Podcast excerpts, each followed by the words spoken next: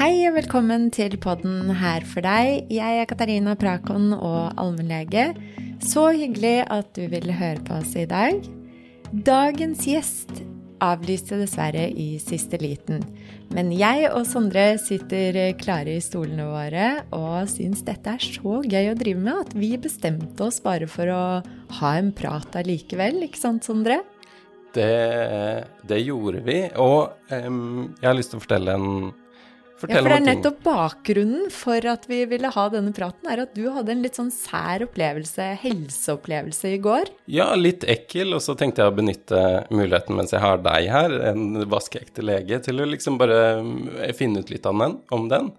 Um, og nå skal det sies at jeg skjønner um, hva som skjedde, um, men hvis jeg hadde vært ja, hvis omstendighetene hadde vært annerledes, så hadde kanskje ting gått under radaren, og så hadde jeg tenkt dette er jo veldig skummelt, dette må jeg snakke med en lege om. I går så våkna jeg opp Fortell, fortell, fortell. Nå er vi veldig spente. I går så våkna jeg opp ekstra tidlig um, og fikk ikke sove igjen, så jeg tenkte jeg bare dra på jobb. Så på vei til jobb, eh, fordi jeg syns det er litt luksus, så gikk jeg innom en kafé, og så drakk jeg en espresso. Og så kom jeg tidlig på jobb, jeg var først på jobb. Så satt jeg på kaffekanna, og så drakk jeg en kopp kaffe mens jeg sjekka e-post og gjorde de tingene. Og så kom det noen andre på jobb, og så tok jeg et kjapt møte med noen andre, og da tok jeg en kopp kaffe til. Bare og så satt vi og preika litt, og så skjønte jeg, så satt jeg der. Og vips, så var kaffekjøret i gang? Vips, så var kaffekjøret i gang, og klokka var ni. Og jeg hadde drukket tre kopper kaffe på liksom halvannen time. Hva skjedde da? Eh, men det som skjedde da jeg satt i det møtet, var at jeg plutselig så slo det meg at nå føler jeg meg nesten full. Ja. At jeg ble sånn litt ør i hodet. Um, hele kroppen min, eller liksom hele Ja, hele kroppen min begynte liksom å flyte, litt sånn som det gjør når man er litt sånn god brisen. Um, jeg merket at jeg ikke klarte å fokusere helt, um, og jeg kjente at pulsen min økte. Ja. Hva og, tenkte du når du kjente det, da? jeg tenkte nå må jeg slutte å drikke kaffe. Ja, Men klarte du å tenke med en gang at det var kaffen sin skyld? Ja, ja Ja, jeg gjorde egentlig det.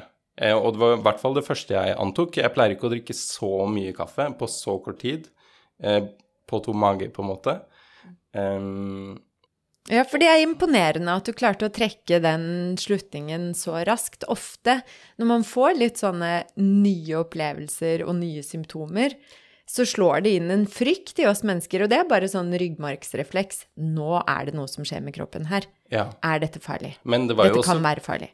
Ja, ikke sant. Man kan jo også si at jeg hadde flaks fordi jeg tror at konklusjonen min var riktig. Eh, og etter at jeg slutta å drikke kaffe Det tok hele dagen før jeg var eh, bra igjen, på en måte. Ja, Så du var i sånn eh, kafferus hele dagen? Jeg var i kafferus hele dagen, og da klokka begynte å liksom bikke to-tre, når jeg liksom vanligvis har en sånn dipp på ettermiddagen og skal ta meg en ny kopp kaffe, så var jeg jo fortsatt liksom jeg, Gira? Jeg var, jeg var ikke så gira sånn som jeg pleier å være.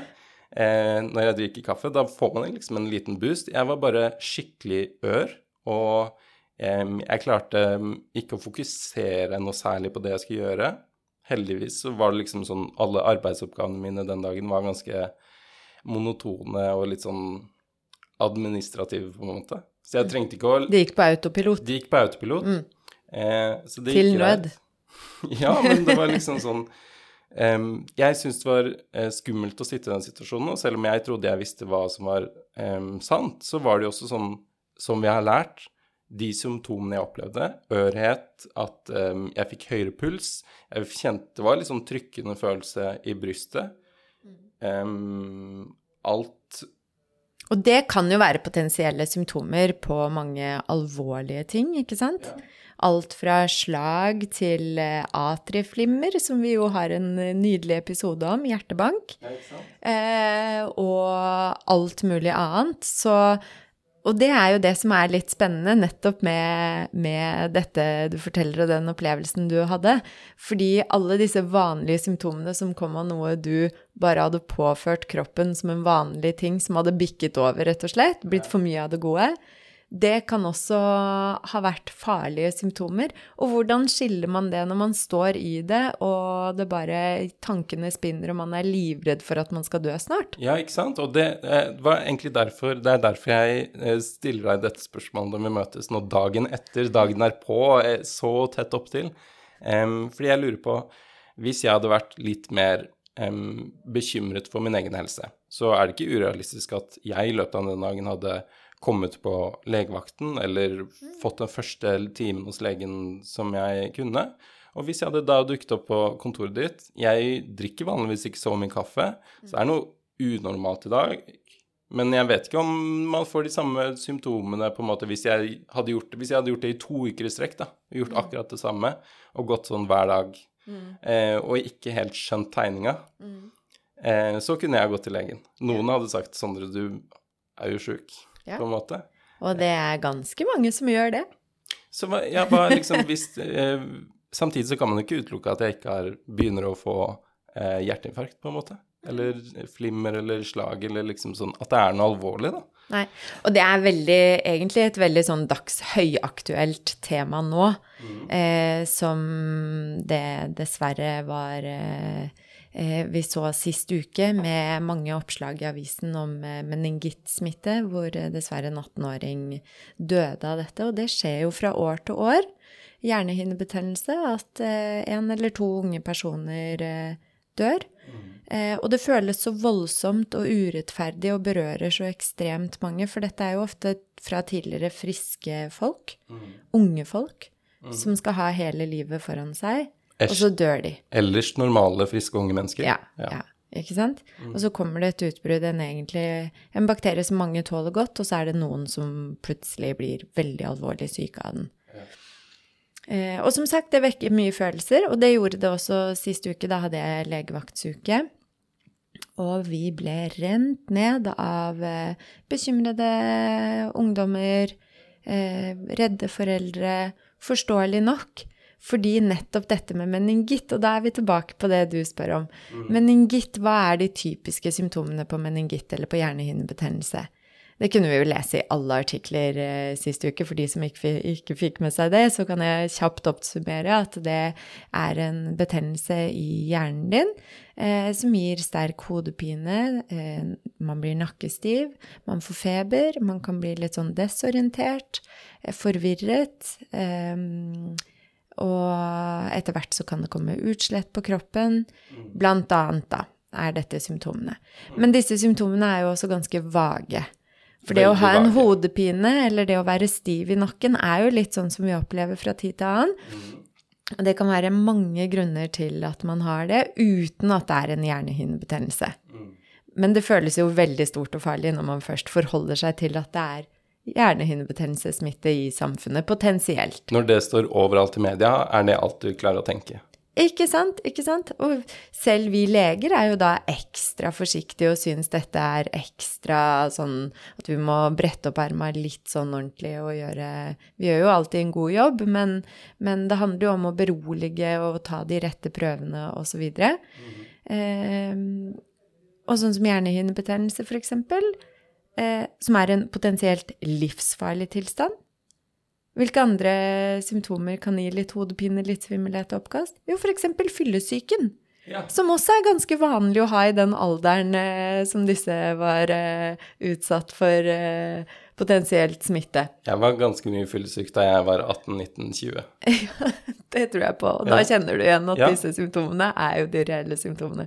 Akkurat sammen med deg da, Sondre, som har drukket kaffe. Ja kommer på jobb, våkner tidlig, koser deg med kaffe, og så kommer disse forferdelige konsekvensene av at du har fått i deg for mye kaffe. Mm. Eh, en helt normal ting, men konsekvenser du må stå i, ikke sant? som gir deg symptomer. Ja. Som kan være alt fra alt og ingenting. Eh, og så er det jo spørsmålet når skal man kontakte lege? For hvis det står i avisene 'kontakt lege' hvis du har hodepine eller nakkestivhet eller kaster opp eller er litt eh, desorientert og har litt feber, mm så vil man jo dra til legen for å sjekke det heller en gang for mye enn en gang for lite. Mm. Men du valgte altså å ikke dra til legen. Ja, jeg... Var det fordi du visste du skulle snakke med meg i dag? Ja. Jeg tenkte hvis det er noe skikkelig alvorlig, så tar vi det opp eh, her og nå. Men Eh, nei, det var først og fremst fordi jeg merket ganske kjapt at det er jo dette jeg gjør annerledes enn enn de andre dagene. Eh, Jeg pleier ikke å drikke så mye kaffe så veldig fort og på så tom mage, på en måte. Det var veldig intensivt. Um, og så tenkte jeg også at liksom det, det skjedde ganske fort nå. og Det, enten så går det over, eller så får jeg ta det mer på alvor om noen dager, på en måte. Men hvis jeg da hadde kommet da inn til deg eh, på legekontoret med disse symptomene som jeg i aller høyeste grad opplever, em, hvordan vurderer man at hvorvidt det er alvorlig eller ikke, om det kommer til å gå over om noen timer eller i morgen, eller om det kommer til å vedvare? Og er ikke det liksom ganske vanskelig, eh, vanskelige vurderinger innimellom? Jo, helt riktig, og du er inne på veldig mye bare i det spørsmålet der. Det er en veldig vanskelig vurdering når du kommer veldig tidlig i forløpet. Eh, og så var du innom tid, eh, hvordan det kommer til å utvikle seg, og det er jo et av de viktigste verktøyene vi som leger har. Ja. Det er fryktelig vanskelig å vurdere eh, en tilstand som har vart en time eller to. For da har vi jo ikke noe sammenligningsgrunnlag. Er du på vei til å bli bedre, eller er du på vei til å bli dårligere? Ofte, heldigvis, er det jo sånn at det, det, en sykdom, en tilstand, starter med at man føler seg litt groggy, og så blir man dårligere, og så blir man dårligere, og så blir man litt bedre igjen. Og så fikser kroppen opp i det selv. Ja. Eh, men eh, hvis man har veldig kort sammenligningsgrunnlag, så er det jo fryktelig og vanskelig å ta en full sånn sykdomshistorie, som er det vi gjør. For det første som skjer når du kommer til legen, er at vi stiller deg alle disse spørsmålene. ikke sant? Hvordan opplevde du det, hvilke symptomer har du, hvor lenge har det vart? Eh, og det gir oss et pekepinn på hvor i eventuelt sykdomsforløpet du er, og hva vi kan forvente videre. Bare et eksempel, da, som veldig mange sikkert har opplevd. Eh, bihulebetennelse. Ja. Eller ørebetennelse. Ikke sant? Hvis du kommer med seks timers sykehistorie med vondt i ører eller press i bihuler, eh, uten noe særlig feber, uten noe særlig andre symptomer, så er det fryktelig vanskelig for oss leger å kunne forutsi eh, hvilken vei dette tar. Men vi vet jo at antageligvis i løpet av noen dager Du vil bli verre før du blir bedre, men i løpet av noen dager så er du frisk igjen. Skal være. Ja. Og så er det jo retningslinjer i forhold til når man skal starte behandling. Eh, vi er jo tilbakeholdne med antibiotika, heldigvis, eh, og at det er mye fokus på det. Eh, fordi kroppen ordner opp det meste selv. Og for at kroppen skal ordne opp, så må den få litt tid til å ordne opp. Samme som denne kafferusen din, ikke sant. Den ble jo klarte kroppen å kvitte seg med etter hvert, og nå er du tilbake til ditt gode gamle deg, fullt konsentrert og rolig, men våken. men spinner ikke løs ut av deg sjæl-opplevelse her.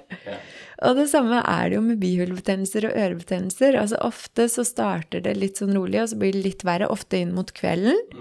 Um, og så kan det vare to-tre dager, og så blir man ofte litt uh, bedre. Men så pleier vi jo alltid å si, og det her avhenger jo fra sykdom til sykdom, men sånn tre dager med feber, tre dager med vedvarende vondt, det, da er det greit å dra til legen og bare sjekke om det er virus eller bakterier. For hvis det har vart en stund, og det er en bakteriell infeksjon, så kan vi gi behandling for det. Men er det, ikke, er det ikke skummelt da, på en måte? Fordi innimellom så er det jo noen ting som er alvorlige, og som må behandles, på en måte. Er det ikke da en Dette er jo liksom etisk, kanskje, eh, grensen, men er det, ikke, er det ikke da dumt å ikke behandle det på første mulige tidspunkt, på en måte? Eller er det for å kunne identifisere hva som er på ekte, og hva som er eh, liksom ikke Ja, uten å si det faktisk ufarlig, men i gåseøyne ufarlig, da, på en måte, som kommer til å gå over av seg selv? Ja, det er Altså, eh, jo mer erfaring man har, jo bedre er man på å kunne vurdere om dette er eh, farlig eller ikke. Eh, og sånn som vi jobber på legevakt, så er det jo på en måte å ta inn pasienten. Vi tar en sykehistorie, vi undersøker pasienten, tar blodprøver når vi trenger det. Mm. Og så er jo vår viktigste jobb der og da på legevakten, som er på en måte akuttmedisin, hvor vi skal avklare skal tiltak iverksettes nå eller ikke. Mm. Det er de to tingene vi skal gjøre på legevakten. Og hvis tiltak skal iverksettes, aktive tiltak, annet enn Paracet, Ibux og hvile, eh, skal de ha tabletter? Eller skal de på sykehus? Hvor dårlige er de? Så egentlig så er det tre sånne ledd da, som man vurderer. Mm. Alt fra avvente, konservativ behandling som vi kaller det, som er generelle råd. F.eks. ved begynnende urinveisinfeksjon så pleier vi å si drikk masse væske, gjerne med C-vitaminer, appelsinjuice, sånne ting, for å senke pH i blæra. Da, klar, da, hjelper vi kroppen med å ordne opp, som jeg har trua på at den klarer å gjøre selv. Mm. Og dette er så kort eh, sykdomshistorie at vi gir kroppen litt mer mer tid til å gjøre det, før vi propper dem full av kjemikalier og potensielle bivirkninger man kan få av antibiotika. Mm. Men hvis jeg kommer inn og sier at hei, jeg, har, jeg tror jeg har urinveisinfeksjon, jeg har gått med det i to uker. Ja, ikke sant. Da, og hvis du har fullt utslag på prøver og klinisk undersøkelse tilsier at det, det er en urinveisinfeksjon, så starter vi ofte behandling pga. langvarig forløp og noe vi ser at kroppen ikke klarer å ordne opp i selv, da. Men, men, med medisin, og ofte så er det jo sånn at, eh, at eh, man vil ha to streker under svaret, og ofte så er det ikke det. Mm. Det er eh, Jeg hadde en professor på studiet som fortalte at all sykdom er som en god film på kino. du vet egentlig aldri slutten. Du kan forutse den litt og forvente den litt, sånn som man typisk kan av sånne komedier, dramakomedier, de blir sammen til slutt, osv. Eh, men noen ganger så skjer det uventa ting. Og sånn er det på en måte, fordi vi alle er individuelle vesener og har forskjellige kropper, eh, og er forskjellig rusta til å håndtere en sykdom og stå i det og reparere den selv. Masse faktorer som spiller inn her, ikke sant. Mm. Eh, hvor god helse har du når du møter på denne sykdommen, som er mitt nye favorittord, inngangshelse. Du så det kanskje på Instagrammen? Ja. ja jeg syns det er så fint, for det er på en måte den helsen du presenterer når du får en smitte eh, potensiell smitte over deg. Mm. Men vi som leger er jo også da litt sånn eh, å vurdere Legger veldig mye i å vurdere pasienter på legevakt, og dette er viktig å ta en god vurdering, følger ofte opp, setter opp kontrollprøver og kontrolltime hvis vi er usikre. Men så er det jo ikke alltid vurdere, like lett å vurdere de aller nærmeste, f.eks., da, sånn som jeg fortalte deg at eh, mitt barn, mitt eldste barn, eh, har egentlig aldri vært hos en annen lege enn meg. Og det har som regel gått bra, men det var en episode hvor han ble veldig alvorlig syk eh, med en infeksjon. Hvor, eh, hvor han ble sykehusinnlagt litt sånn i siste liten, hvor jeg burde kanskje catchet det tidligere. Så det er jo viktig å på en måte også å vite når du skal sette bort din og din nærmestes helse til noen som er helt objektive, sånn som legevaktsleger som møter deg, da. Ja. Og så har jeg lyst Nå blir det veldig lang monolog. Ja. Kom med det. Hva vil du si? Men jeg har veldig mye på hjertet akkurat ja. i det spørsmålet her, Sondre. Ja. For jeg har bare lyst til å si det spurte hvorfor kan man ikke bare gi en medisin og helgardere seg? Ja. Så er det jo dette med antibiotikaresistens og sånne ting. Og kroppen blir styrket av å klare å ordne opp i ting selv, så det er jo på en måte litt det som er tanken. Og at man ikke skal utvikle antibiotikaresistens. Alle piller du gir, har en effekt, men det er også en bieffekt. Så veldig ofte på legevakten så ender vi jo med å si, eller på legekontoret ender vi med å si dette kan vi gi litt tid, eh, ikke start en behandling nå. Hvis vi er litt i tvil, så kan vi skrive ut en såkalt vent og se-resept. Hvor vi sier se det an tre dager til, jeg tror du er bedre om to. Men hvis du ikke er det, så starter du på tredje dagen med disse tablettene. Mm. Eh, og det det har jeg bare lyst til å si og løfte frem, fordi jeg har jobbet som lege litt forskjellige steder i verden. Eh, og min observasjon er at vi nordmenn er eh, veldig gode på akkurat det. Vi er positive og er enkle å samarbeide med rundt det og forstår viktigheten av at kroppen skal ordne opp selv, og at vi skal gi det litt tid, og eh, at ikke alt skal behandles med piller og antibiotika. Mm. Eh, og det er de ikke så gode på overalt i verden, men der, der må vi nordmenn gi oss selv en klapp på skuldra. For veldig ofte når jeg sier det, så får jeg forståelse og veldig godt samarbeid ut av det. Og det syns jeg er kjempefint. Folk gjør stort sett som du befaler? Folk gjør som jeg befaler. Ja, folk er veldig helsebevisste. Eh, så det handler ikke om at de naivt nikker og tror, men, men det er vel sikkert også det, da, at man har respekt for eh, antibiotikaresistens, mm. og, og, at det er en grunn til at man ikke setter i gang med piller umiddelbart, da. Mm. Men hvis, for å dra det tilbake til meg, hvis jeg hadde kommet inn i, i går og, og sagt jeg har eh, veldig høy puls.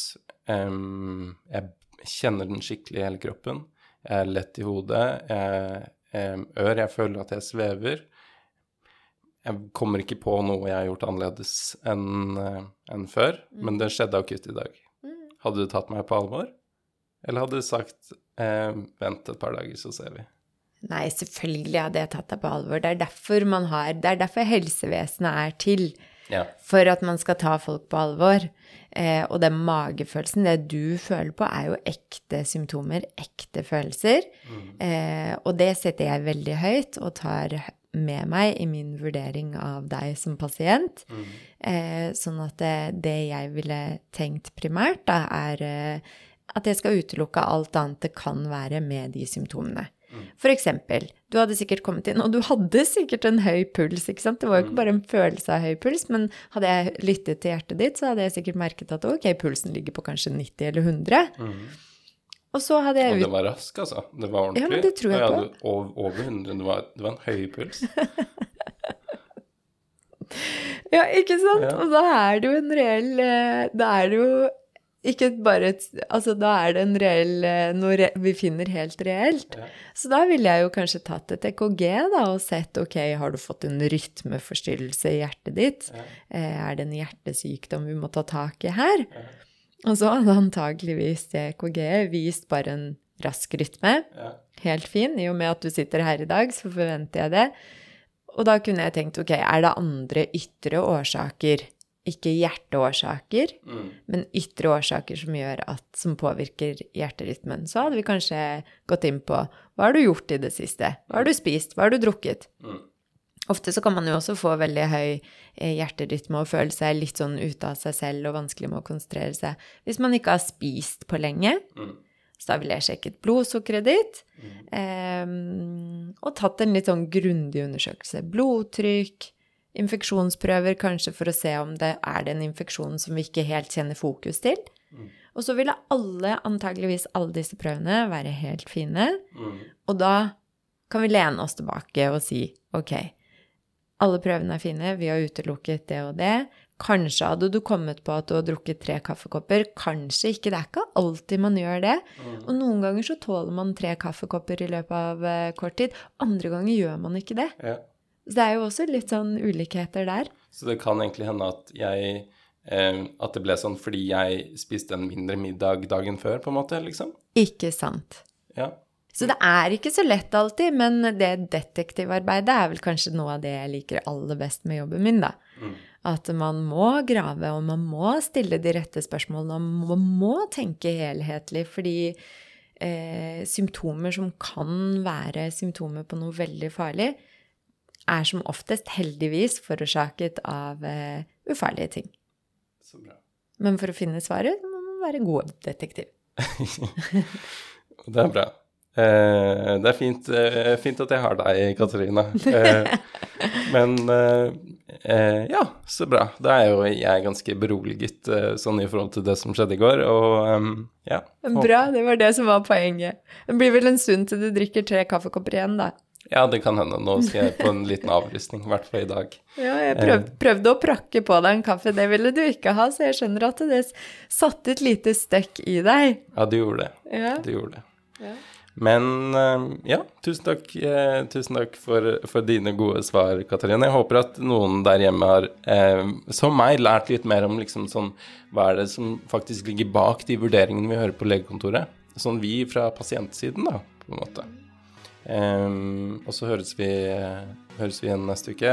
Forhåpentligvis ikke med en ny eh, medisinsk historie fra meg, men med en uh, med en mer kvalifisert gjest da, enn meg. Jeg syns dette var veldig fin prat, jeg, Sondre. Og veldig glad for at du er tilbake, back on track og har det fint igjen. ja, så bra. Da høres vi neste uke. Vi høres neste uke. Takk for nå. Ha det fint. Ha det.